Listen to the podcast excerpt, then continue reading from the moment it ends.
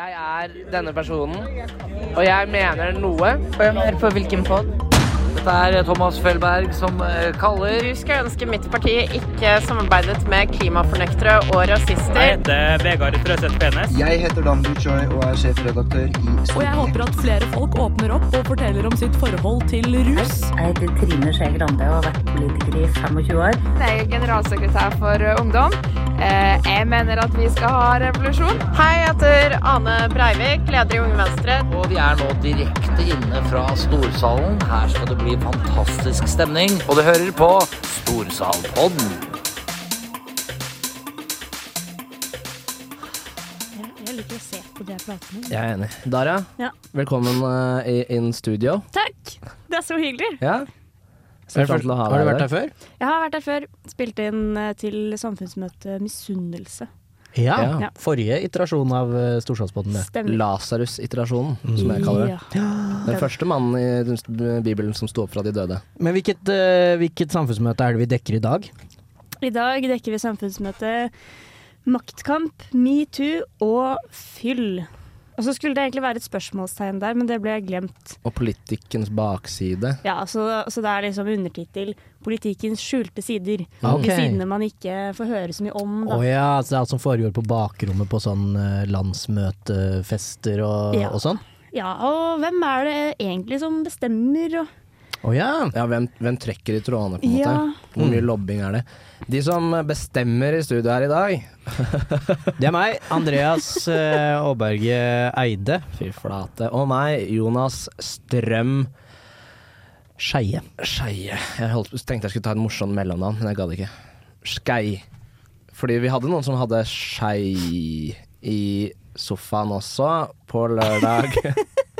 Og det var en flytende overgang til at Daria skal fortelle hvem som var sofapraterne. Den Flytende mest flytende overgangen jeg har flytende opplevd i mitt blir alltid bedre når du kommenterer hvor flytende den Ja. er, før Den, var, overgangen skjer. den er såkalt viskøs, den overgangen der. Rimelig tykt flytende. Mm. Nei, vi hadde med oss eh, en eh, skei E minus E. Ja. En skei. Ja. Trine. Mm. Typen Grande. Åh. Oh. Jeg syns også det var Jeg var jo der.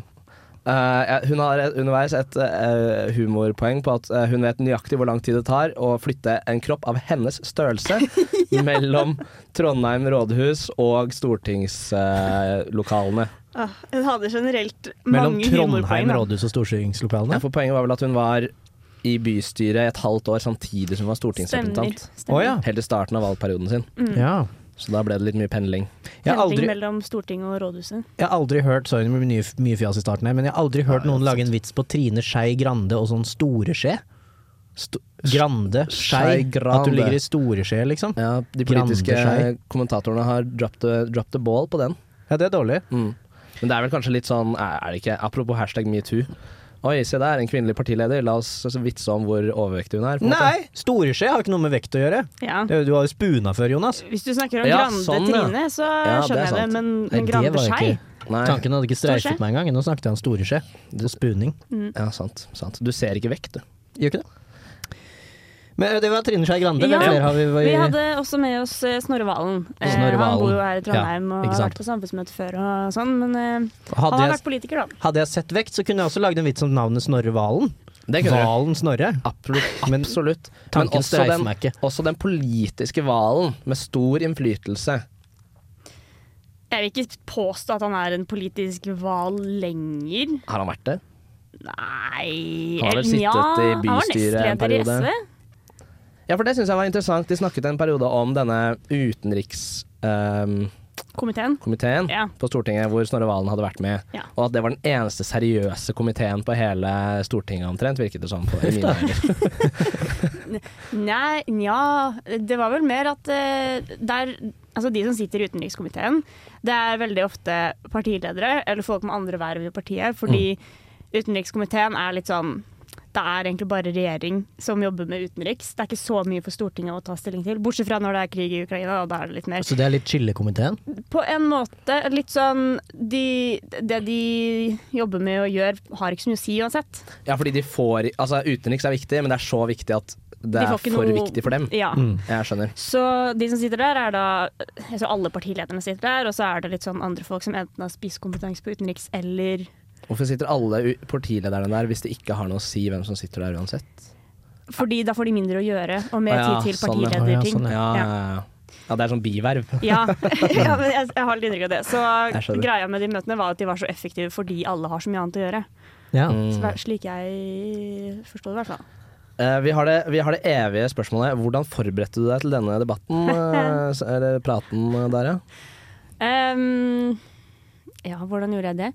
Jeg, eh, jeg forberedte meg egentlig ikke så veldig mye. Nei. Det er sånne ting jeg har liksom både tenkt mye på og også kan mye om, egentlig bare fordi jeg hører på Aftenpodden, og der snakker Mm. de veldig mye om sånn hva, hvem er det som spiste lunsj sammen denne uka, og hvem var det som var inne hos Stortinget for å smiske, og, Mm. og nå var det fest på Lorry igjen, bla, bla, bla. Så det er På Lorry, er ikke det, det, er ikke det 18-årsstedet i Er ikke det det mynt, bare Oslo-versjonen? Lorry er der alle politikerne drar for å Ja. gjøre metoo-tabber. Ja.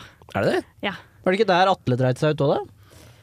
Jeg trodde Lorry var sånn derre 18-årssted hvor, hvor Nei, nei, nei. russegutta dro det for er å få seg tail. samles. ja. Okay, der Men den morsomste da. historien om Lorry, som jeg ikke fikk tatt opp, fordi ja, da var jo de ute av bildet uansett, men det er at etter en eller annen eh, middag på, Storting, nei, på, på Slottet i høst, så skulle alle politikerne dit.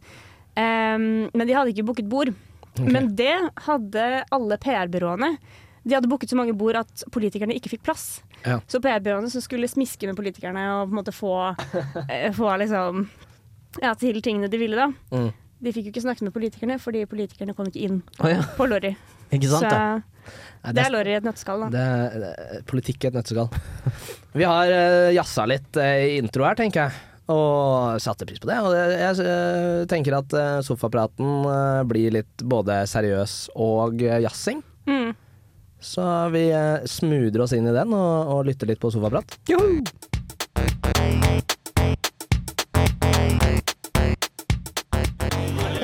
Hei, jeg heter Rawan Ismail, og jeg er ordførerkandidat for Miljøpartiet De Grønne i Oslo.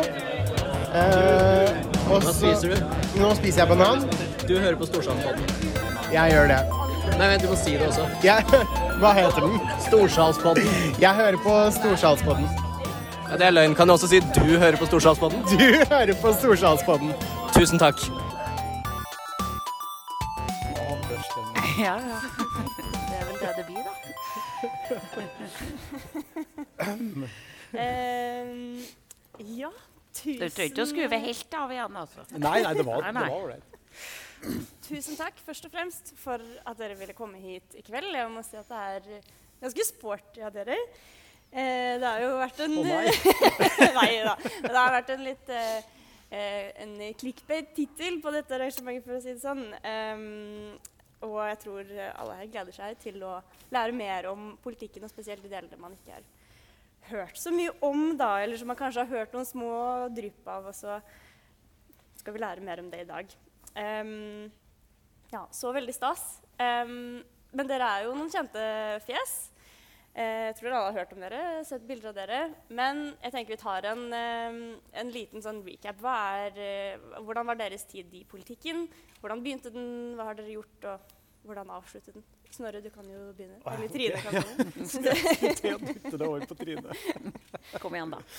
Uh, ja, altså hvor, men hvor vil du begynne hen? Altså da, hvor Hvor grundig skal du det her at det er nødvendig å begynne? Nødvendig? Ja. Ehm, nei, altså da, men da kommer vi egentlig inn på den første myten, da. Eh, og det er vel at alle som driver med politikk, har en sånn veldig ønske om å drive med politikk. Ja. Du hadde ikke det? Nei, egentlig ikke. Nei. Nei. Men hva skjedde? Vi har veldig sterke partier i norsk politikk. Så partiene bestemmer veldig mye mer enn i ja, altså de, eh, de fleste land vi ser på sånne politiske TV-serier fra. Da. Eh, USA, Storbritannia. Eh, som betyr at hvis du er aktiv i et ungdomsparti fra du er ganske ung, så ender de aller fleste opp med et eller annet tillitsverv eller ansvar eh, før de er ganske voksne. Eh, og det gjorde jeg òg. Og så gikk det liksom slag i slag. Um, så jeg har sittet i bystyret i Trondheim, og så har jeg sittet i fylkestinget. Um, og så satt jeg på Stortinget da fra 2009 til 2017. Og i 2016 så tenkte jeg at nå er det nok. Nå vil jeg hjem. Og så slutta jeg. Ja. Det var en veldig kort. Jeg satt for SV, da. Ja, Kan du kanskje det nevne det? er fint å nevne. Ja. Og så var jeg nestleder i SV i, eh, inn, inni der i eh, fire år. Ja. Mm. Hva med deg, Trine?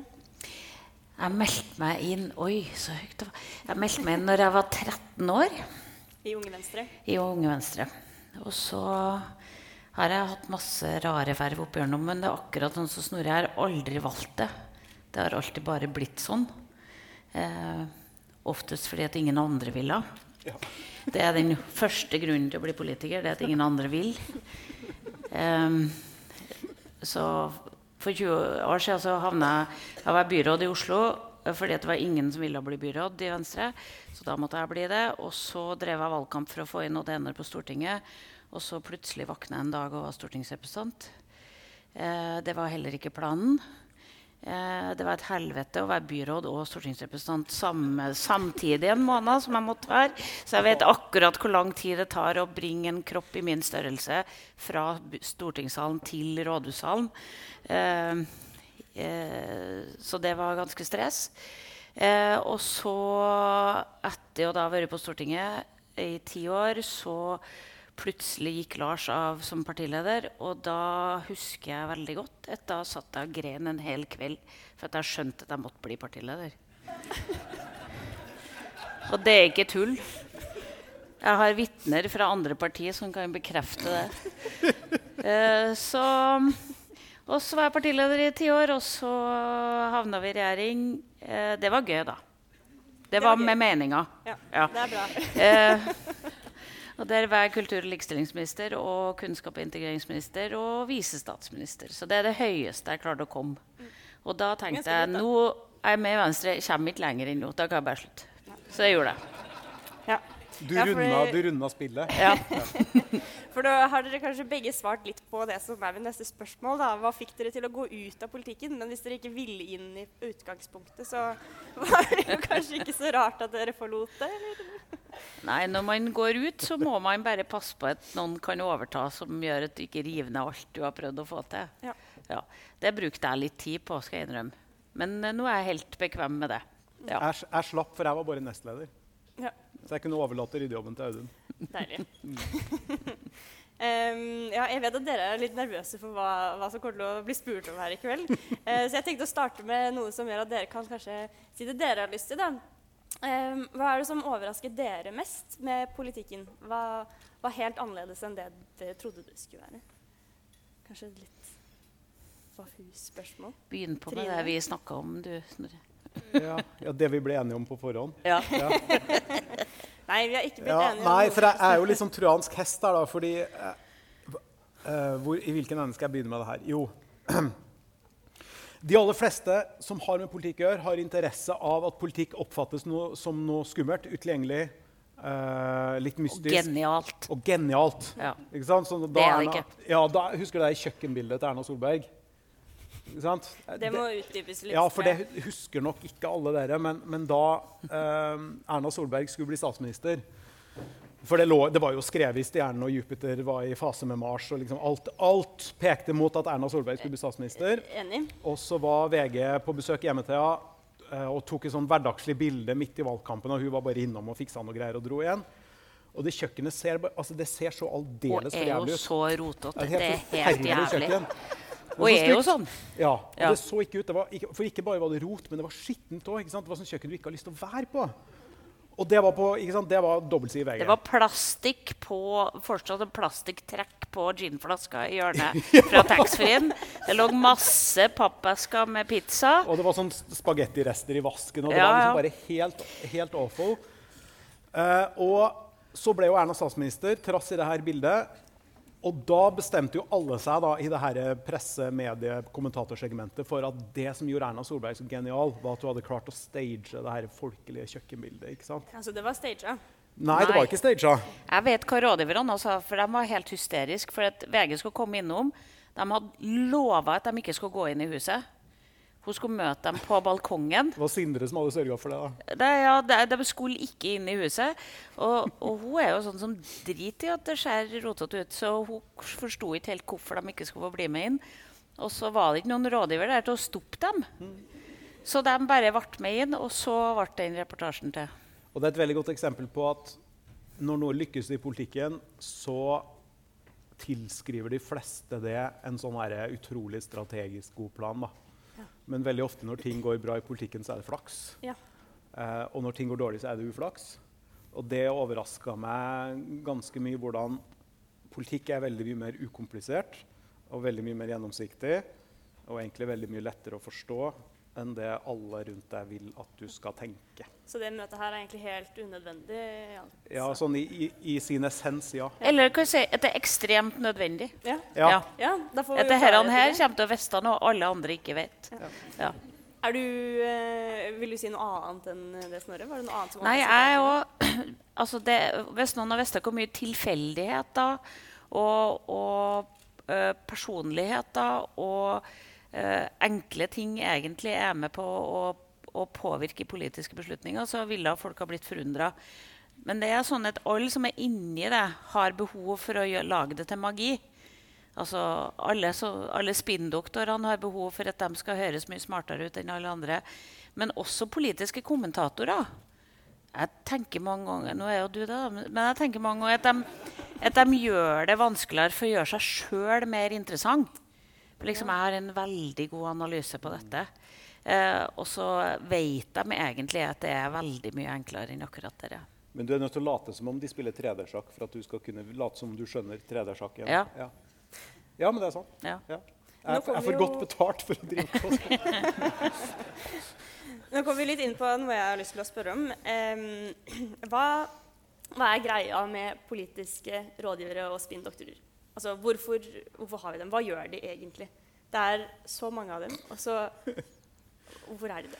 Ja, men det er ikke så mange av de spinndoktorene. Nei, OK. Nei, det er mange sånne presse- og PR-rådgivere. Ja, Og det er to litt forskjellige ting. ja OK. Eh, og det er i kommunikasjonsrådgiverne er det veldig mange av. Det, er vel, det går to politiske kommunikasjonsrådgivere per politisk journalist. Men nå skal jeg være hun gamle røya. Altså, når jeg begynte på Stortinget, var det null. Ja.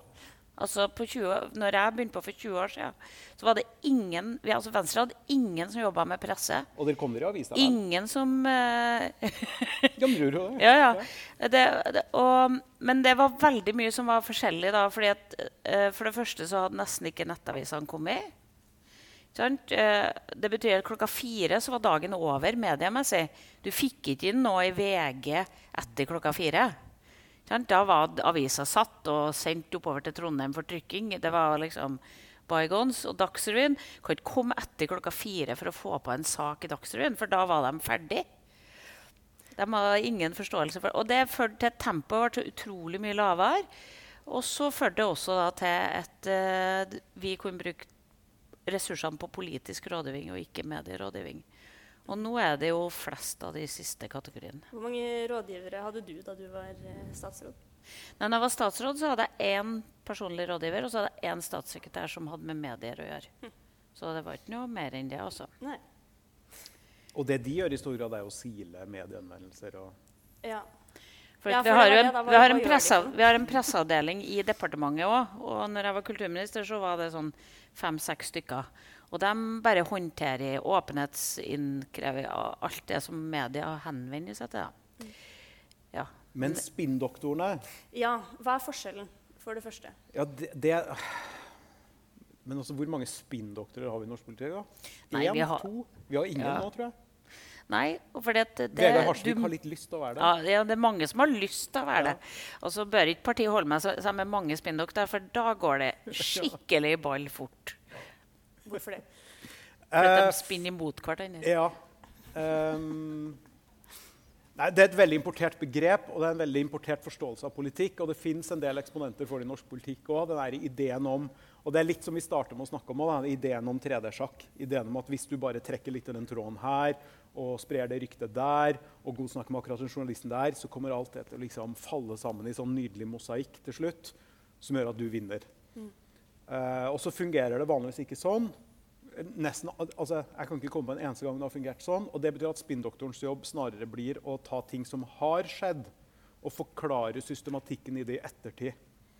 Um, F.eks. ved å snakke med politiske kommentatorer, så de skriver fordelaktige tekster om politikerne vi jobber for. Uh, ved å ringe og true og skremme andre politikere, særlig stortingsrepresentanter, til å gjøre som du vil. Eh, Mens jeg skal forklare den gode ting, da, nå hadde du bare sagt all dritt, men den gode tingen om det er jo at du som Hvis du, er, ja, hvis du f.eks. er partileder, så har du ikke tida til å snakke med kommentatorer så mye. Mm. Så du må ha noen som eh, ringer og forteller hvordan er det Trine tenker nå. Altså hvorfor har vi gjort det, hvorfor har vi gjort det, nå er dette som er planen. Eh, fordi at det er minimalt hvor mye tid man har. Men du hadde jo ikke det man vil kalle en spinndoktor. Nei, men jeg hadde en, en statssekretær som hadde som, eh, som oppdrag å snakke med journalister og kommentatorer Ja. med jevne mellomrom til å fortelle hva er det vi holder på med nå, hva er de viktige sakene nå. Hva er, ja. Ja. Ja, for der tror men der tror jeg vi er inne på det, for han ville aldri sjøl kalt seg en spinndoktor. Nei, virkelig ikke. Men uansett mye PR og kommunikasjon, altså. Em, det minner meg på en omvisning jeg var på på Stortinget da jeg gikk på videregående med klassen min. Eh, det ble vist rundt av eh, Henrik Asheim. Eh, Jeg husker ikke så mye av omvisningen, men det som sto igjen for meg eh, hovedsakelig, var at eh, han viste oss eh, komité, komiteen hans sitt møterom. Eh, så spurte vi hva snakker dere om her. Og da svarte han mot alles forventning nei, vi diskuterer PR-strategi. Vi diskuterer hvilket parti som skal få gjennom hvilken sak, hvem som skal få vinkle den saken hvordan i media. Eh, og jeg mener, da mistet jeg litt troa på politikken. Altså, for jeg trodde at man snakket om politikk på Stortinget, men det gjorde man tydeligvis ikke. Hvor mye tid brukte dere på å faktisk jobbe med politikk kontra, kontra PR og kommunikasjon? Nei, mye mer enn det Henrik Asheim tydeligvis holder på med. men, men eh, jeg tror jo at eh, eh, det som, Jeg har jo sittet i 20 år på Stortinget jeg har sittet i mange forskjellige komiteer. Og det som er artig, er jo at komiteene er så ekstremt forskjellige. Eh, utenrikskomiteen er dun, dun, dun, Og nå får vi igjen. Fordi at alle mener at de er så jævla viktige når de sitter i utenrikskomiteen. Ja, at de har ikke tid til å sitte i møte. Ja, det har sett partilederne og sånn. Ja, eller sett og sett. Jeg, jeg satt De med- møter ikke opp. De møter ikke opp. Det var, det var meg og Knut Arild Hareide var eneste partilederen som faktisk møtte opp. Audun møtte opp av og til. Um, så, så, mens noen komiteer virkelig jobber politikk, altså virkelig diskuterer seg imellom. Mens i finanskomiteen Du satt i finanskomiteen en periode. Jeg har satt i både utenriks og finans. Ja, mm. Finans er sånn vi melder standpunkt. Ja. Ja. Og blar lefse. Ja. Så det er veldig forskjellig, mens i noen komiteer så jobber man med å prøve å skape flertall og eh, Ja. Så det er veldig ikke bare forskjellig det kultur. Marerittbildet jeg fikk fra Henrik Asheim. Altså. Ja, du må ikke tro på Henrik Asheim alltid. Altså. Nei, jeg, jeg kjenner meg heller ikke igjen i den, eh, Nei. den framstillinga der. Altså. Så rart. Men det er veldig forskjell på komiteene, ja. Ja, jeg skjønner. Hm. Det er bra det ikke er sånn i alle, da. en, en eh, annen del av denne PR- og kommunikasjonsbiten av politikken er jo um, lobbyisme. Em, for det første, hvorfor, hvorfor funker lobbyisme? Hvorfor kan man gå bort til en stortingspolitiker og hviske dem i øret og på en måte få det man vil? Hvorfor eksisterer dette fenomenet? Det er det beste med demokratiet.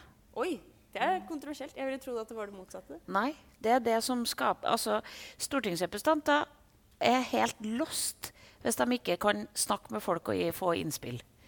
Og vi, altså, jeg tror Vi reiser utrolig mye. Jeg, sånn, jeg, jeg ringte Erna og spurte hvor mye hun hadde reist i august i fjor. Og det tror jeg var Hun hadde hatt hun hadde 22 netter på, på hotell bare i august.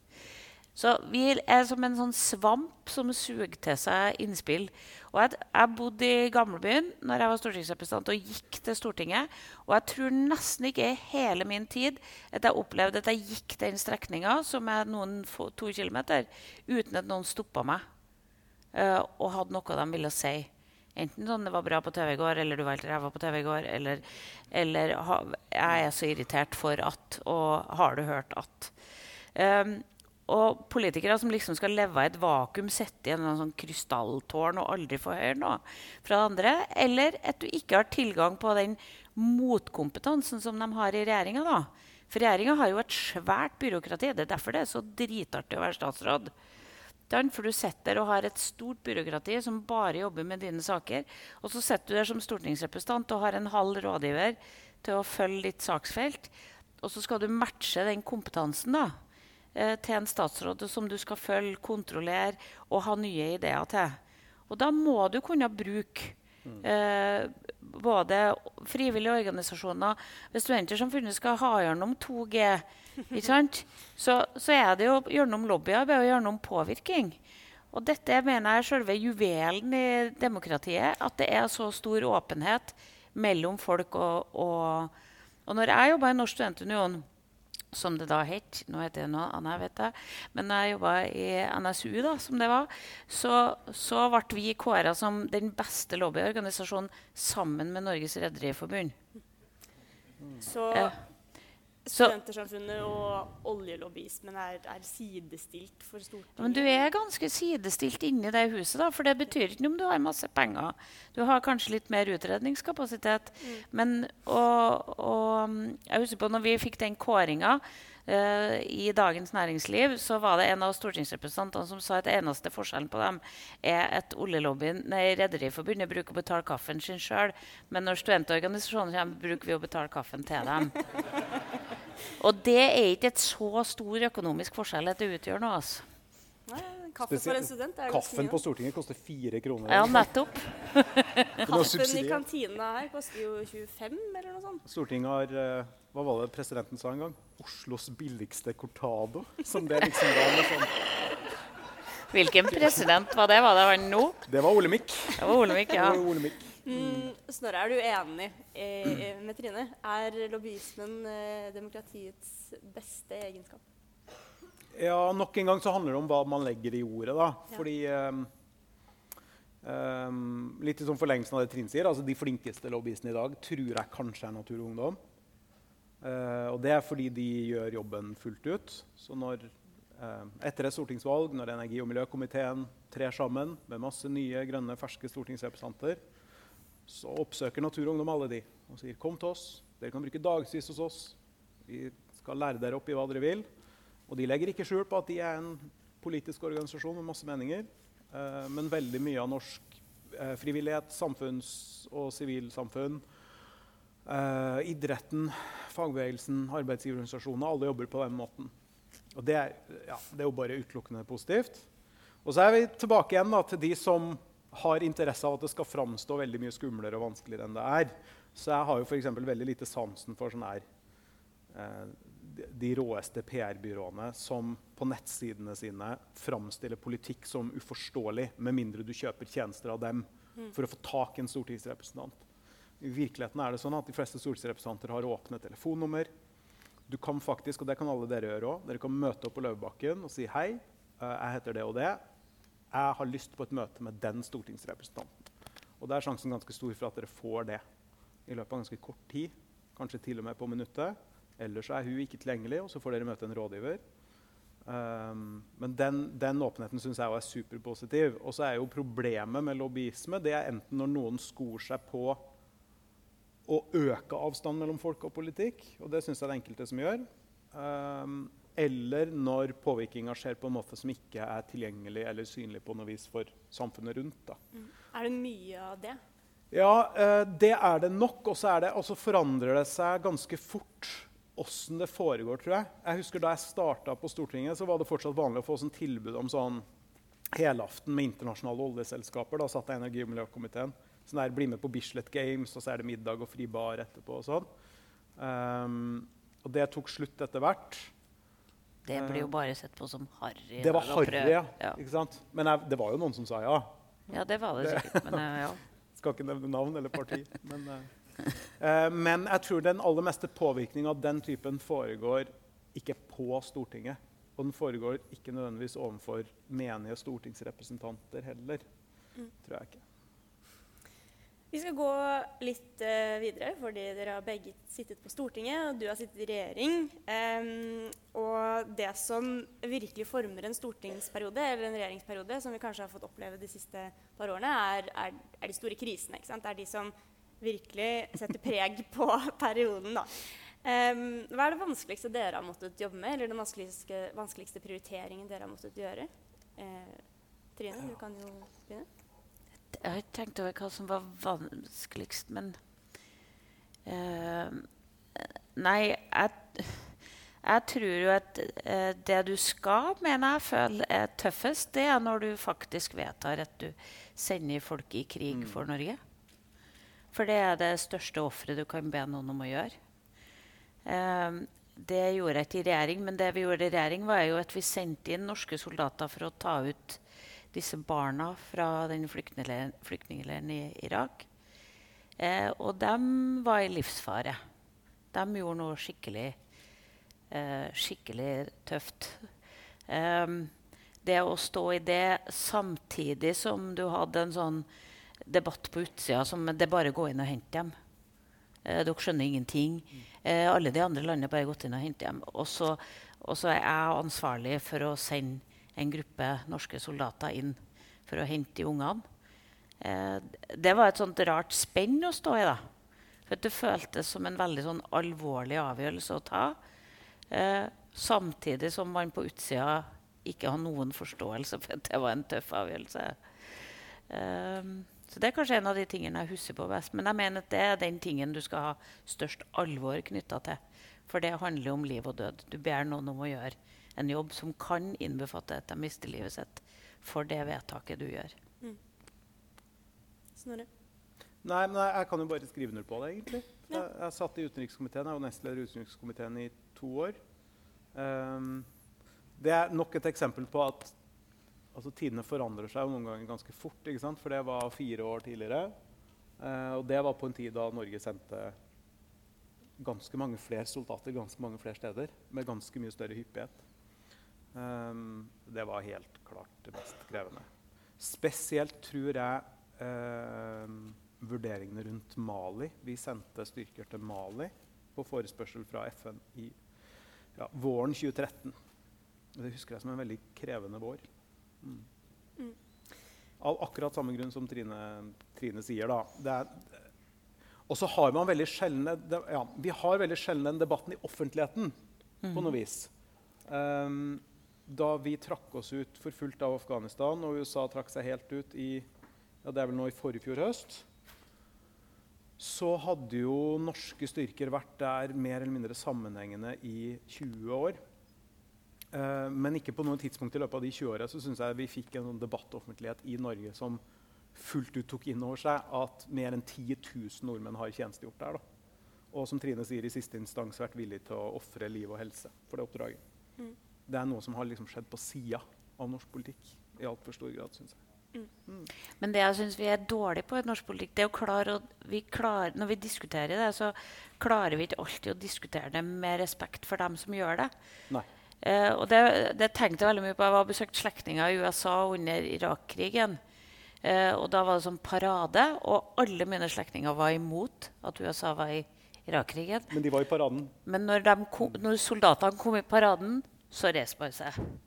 Så det å klare å ha respekt for dem som gjør jobben, sjøl om du er uenig med de politikerne som har fatta vedtaket om det, det klarer vi ikke alltid. Det, Nei, I Norge var det jo motsatt. Hvis du husker den der, eh, Det lekka en video fra en kamp, husker du det? Ja. Eh, som gikk på TV 2. De hadde fått tak i videoopptak av noen kamphandlinger norske soldater var i. Til Valhall. Ja, til, ja det var- de hadde noen kamprop og sånne ting. Og så var det en, eh, en norsk styrke som ble beskutt av to stillinger, da, som var på to høyder. Og så kalte de inn ja, Nå håper jeg gjenforteller det riktig, men de kalte inn enten artilleri eller luft for å få hjelp. Og så ble denne stillinga som beskøyt de, den ble jo da tatt ut. Og så var det en av soldatene som ropte 'lekkert'. Og det var det debatten handla om, husker jeg. I, i, Om det var greit å si lekkert. om det var greit å si 'lekkert' eh, når du ikke lenger ble skutt på. Mm. Og det, ja, jeg syns det oppsummerer ganske greit. da. Ja, vi må øve oss litt på å diskutere sånn. Ja. Um, og så vil jeg fortsette, før folk får meldt seg opp på talerlisten, med å prate litt om forholdet mellom regjering og storting. For begge dere har vært i opposisjon. Dere har også vært Du har vært stortingsrepresentant mens det var regjering, og du har sittet i ja, De slapp meg ikke inn i regjering. Nei, de gjorde ikke det. Nei, Em, så jeg lurer litt på eh, Vi kan jo høre med dere begge først. Hva er forholdet eh, mellom eh, regjeringsparti og parti på Stortinget når, man, altså når partiet er i regjering? det er et litt skummelt spørsmål. Ja, det det, kommer, det det kommer veldig an på parti. Ja. Eh, og det kommer veldig an på et partis historie og kultur for eh, Eller forståelse av demokrati. Er ikke det en snill Jo, måte å si det på? ja. Altså Enkelte partier så funker det sånn at statsministerens kontor bestemmer, og så gjør man som de sier. I andre partier funker det sånn at det er et helvete å få noe igjennom. Og det som er litt sånn interessant med regjeringa vi har nå, da, det er at kontrasten mellom hvordan det ser ut for meg som at Arbeiderpartiet styrer nå, og hvordan jeg opplevde Arbeiderpartistyret da jeg sjøl satt på Stortinget med en rød-grønn regjering altså Avstanden er veldig stor. Eh, og det virker som om stortingsrepresentantene tar mer plass og har mer autoritet, og toppen har utøver mindre makt og har kanskje også mindre makt enn for 10-15 år siden. Mm. Eh, og jeg vet ikke helt hva det betyr ennå, men det betyr at politikken blir litt mer spennende. da. Mm. Også når Arbeiderpartiet styrer. Hva med deg, Trine? Fikk du eh, motstand fra Venstre utenfor regjeringen da du Ja, var i jeg, tror at, jeg tror at jeg og, og Snorre kommer fra litt sånn like politiske tradisjoner. På at Du tar ikke noe for gitt sjøl om det er noen som har bestemt det. Men det som jeg syns er ganske interessant, og som jeg har tenkt veldig mye på etter jeg gikk ut av politikken, er hvor utrolig forskjellig og hvor stor innvirkning personligheten til statsministeren har, og måten de er leder på. Så hvis du tar Jens og Erna og Jonas, da, så er de tre ekstremt forskjellige ledere. Um, og, og det får utslag i hvordan regjeringa også jobber. Eh, fordi at Norge er jo litt sånn unikt med at regjeringa er et kollegium som fatter kollegiale vedtak. Ja, Du må så- forklare hva det betyr. ja, det betyr at vi, Når regjeringa bestemmer noe, så setter vi sammen og bestemmer det. Og alle statsrådene har like mye de skulle ha sagt. Eh, når, Jens laga jo en helt ny verden for Arbeiderpartiet, nemlig at det skulle være tre partier, som gjorde at han gikk litt rundt det med å lage et underutvalg med partilederne. eh, som fatta en del vedtak, og så fikk en eh, Karl Erik Skjøtt Pedersen til å være sånn eh, superminister som også skulle, når noen var uenig, skulle han fikse det. Mens Erna hadde en veldig annerledes eh, approach til det, nemlig å, at hun var veldig fast på at alt skulle tas i plenum. Og jeg husker Bent Høie forteller at når han var ny som helseminister, så skulle han i, i regjeringskonferanse. Eh, som vi jo alle syns at vi satt altfor lenge da, og for mye. Altså, til to dager i uka satt vi og, og fatta vedtak. Eh, og så kom forværelset inn til Bent og så sa at eh, du trenger ikke å dra til regjeringskonferansen ennå, for det er lenge til sakene dine kommer opp.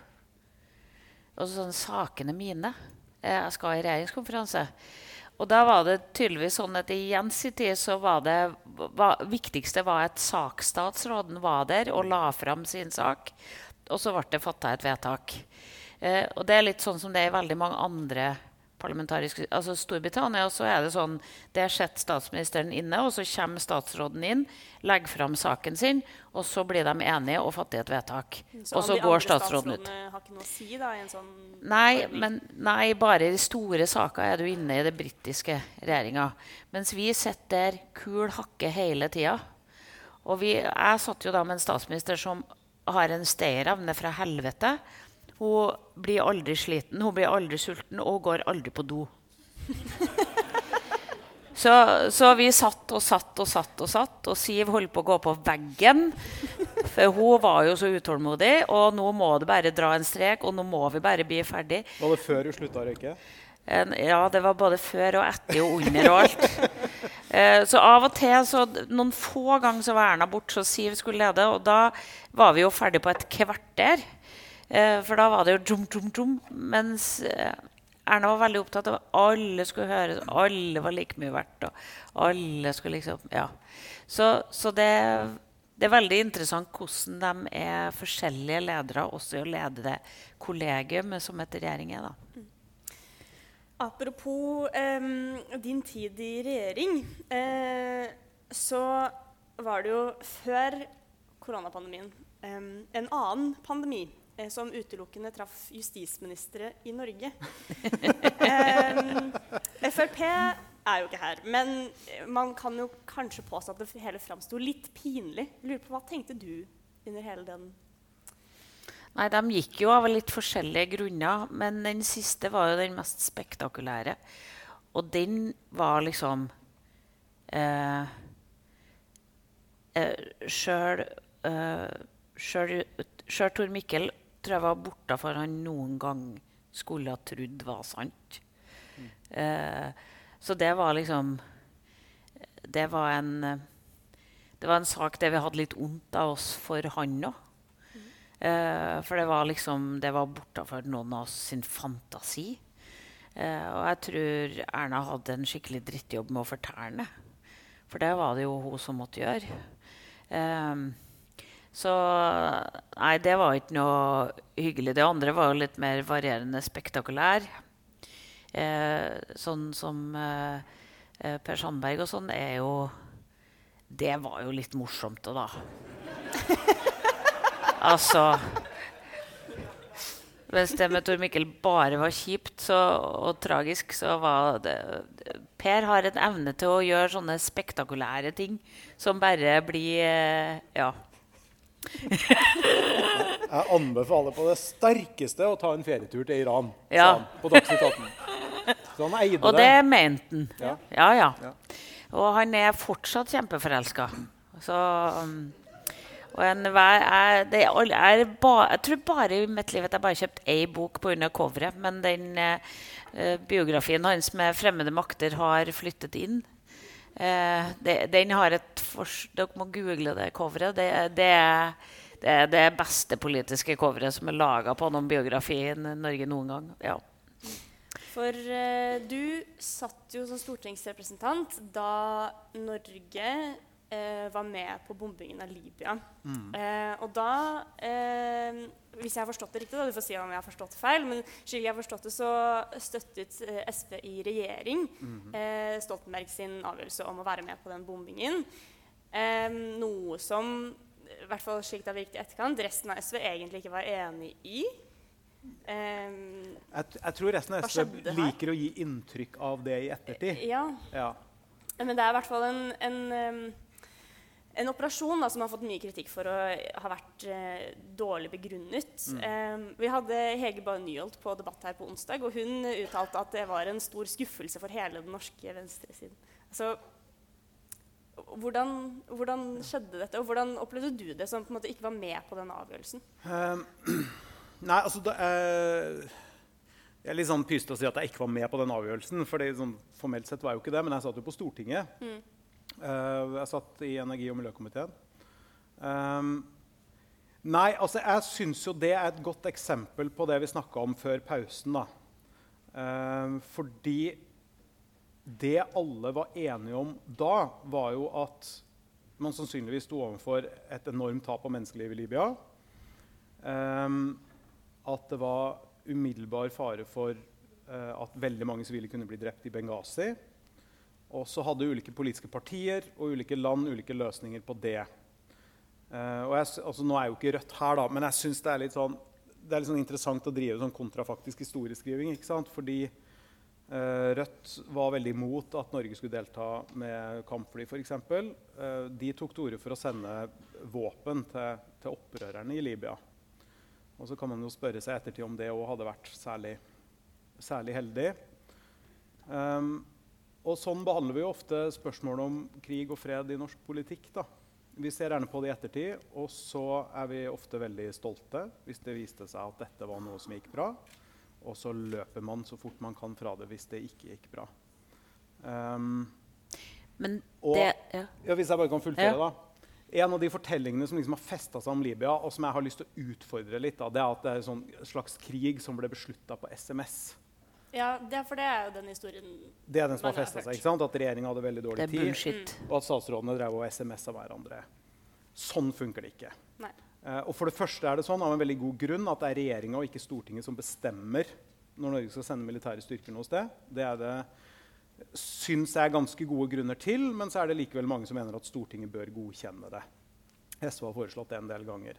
Men eh, i de tilfellene der du har et sånn, veldig tydelig FN-mandat, eh, som det var i tilfellet Libya, og det er et spørsmål om Norge skal bidra med militære styrker eller ikke, så eh, tror jeg også i tilfellet Libya vi kan legge til grunn at alle statsrådene som var med på den beslutninga, visste hva de gjorde. Og så er ikke jeg, Nå skal jeg være veldig kjettersk, da. Men ja, den aksjonen har fått mye kritikk i etterkant. Men jeg er ikke helt sikker på om noen av de som tok den beslutninga den gangen, ville ha valgt annerledes i dag. Og det er jo fordi En del av de valgene du må ta i politikken, spesielt de som gjelder bruk av makt, uh, bruk av makt overfor andre land, uh, der fins det ingen garanti for at ting går bra. Det fins ingen garanti for at ting går bra når du lar være å gripe inn, som man lenge gjorde i Bosnia, og som man gjorde i Rwanda i 1994. Og det fins ingen garanti for at ting går bra uh, når man bestemmer seg for å gripe inn. Um, så Nei. I SVs tilfelle så var nå det Ja. Øh, jeg kjenner meg ikke helt igjen at ikke resten av partiet var med på det. Altså, landsmøtet behandla det jo noen uker etterpå og støtta det osv. Ja, ok. Og så bestemte landsstyret noen uker etter det igjen, i april 2011 at man ønska å trekke de norske flyene ut igjen fordi man mente at det hele kom ut av kontroll. At man bomba for mye, at man åpenbart eh, brukte militærmakt for å endre regimet og ikke bare stoppe en umiddelbar krise. Og det vedtaket var jeg med på, for da, jeg satt jo da i landsstyret i SV. Men eh, jeg har ikke så veldig sans for den norske liksom, tendensen til å eh, springe fra vedtak i ettertid, som man var med på den gangen. Men da lurer jeg litt på hvordan kan det ha kommet til at um, resten av den norske offentligheten har fått et annet narrativ enn enn det liksom SV har på hele den hendelsen? Eh, nei, altså Nå kommer jeg med mitt narrativ, og det er ikke nødvendigvis det samme som SV sitt. Nei, ok, ja. sånn Men jeg, uh, jeg pre var med og pressa regjeringa Ja. til å sende soldater, og jeg, jeg står fortsatt for det. Og det man må skjønne, uh, det er at i, og det er kanskje lett å skjønne nå når vi er en sånn eh, high speed utenrikspolitikk som vi holder på med nå, altså hvor fort ting egentlig endrer seg.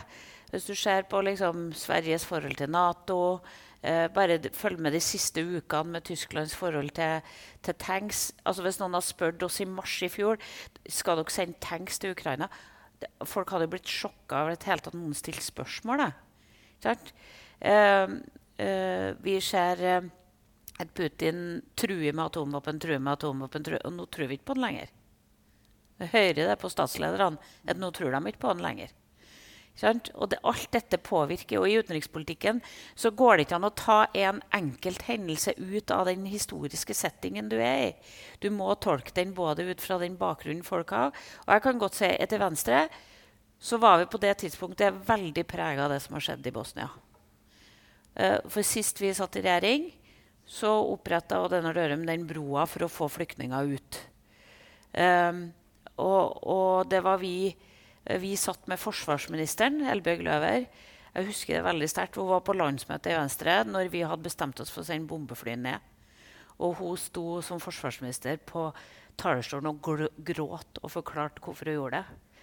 Og da husker jeg på kom en VG-kommentator sa han, eh, kan vi ha en forsvarsminister som gråter mens hun sender bombefly. Så sa jeg kan vi ha en forsvarsminister som ikke gråter når hun sender bombefly. Eh, og det var med å liksom å prege av Venstre veldig. Så den der redselen man hadde for at nå lener samfunnet seg tilbake, og så skal vi se de samme folkemordene i Libya som det vi hadde sett på Balkan, det var veldig pregende inn i partiet. Så det går ikke an å se alle disse tingene som liksom en sånn prinsipiell avgjørelse som du tar i et historisk vakuum. Nei, du tar det alltid ut fra både de erfaringene du har, og den situasjonen du er i. Um, og det var, det var erfaringsgrunnlaget når vi gjorde de vedtakene på, på Libya. Og det at det ble gjort på SMS, var bare tull. Altså, vi fikk SMS fra, fra Jonas Gahr Støre, alle partilederne. Men det var basert på at vi akkurat hadde vært i spørretimen der både jeg og Erna var ganske spiss mot Jonas for at de ikke fatta en avgjørelse. Nå må dere bestemme dere. Så når regjeringa da fatta en avgjørelse, så orienterte han på SMS partilederne. Men det var ganske klart hva vi hadde stått for, og hva vi hadde ment noen timer etterpå. Det er der Men, den historien kommer fra, da. Nei, men altså, Det er jo et snev av eller ikke bare et snev av, det er jo mye sannhet i den. Fordi eh, det nok var en avgjørelse som ble fatta ganske raskt. Ja. Eh, og så er det jo ja, det er jo enkelte ting jeg ikke kan si sjøl i den ærede storsalen. da. Nei, jeg men skjønner. Det ble jo diskutert grundig internt i regjeringa. Det, det veit jeg at det ble. Vi er snart tom for tid.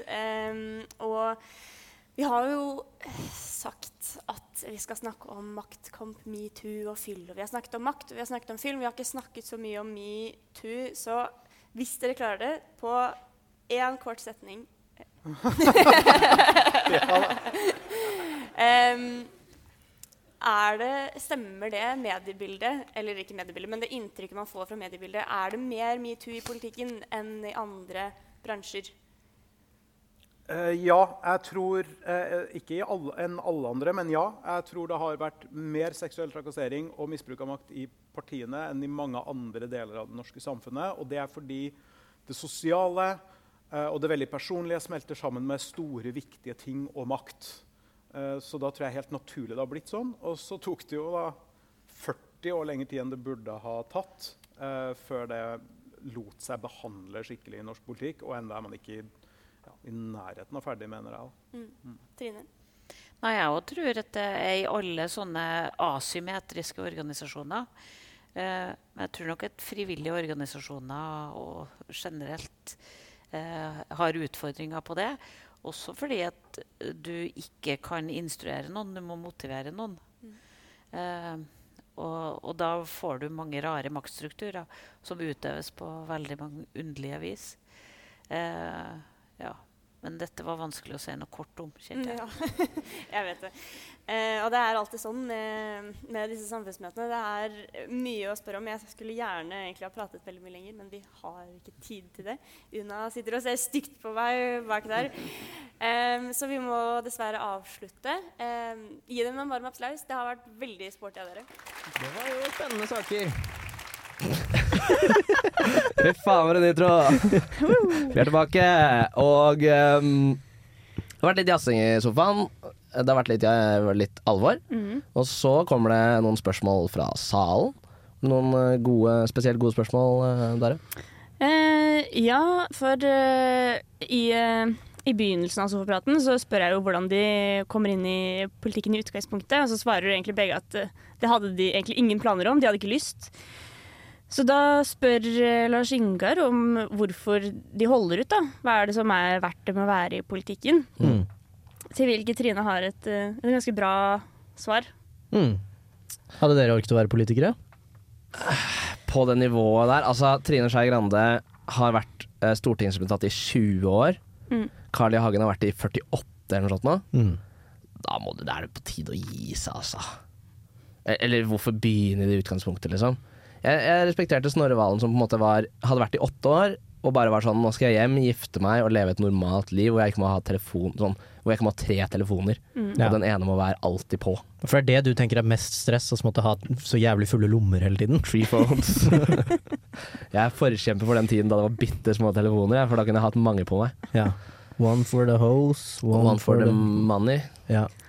Men man må jo, altså man må jo elske det da, for å, for å gjøre det i, i så mange år. Ja. Virkelig. Og jeg respekterer jo det. Eh, jeg setter pris på det.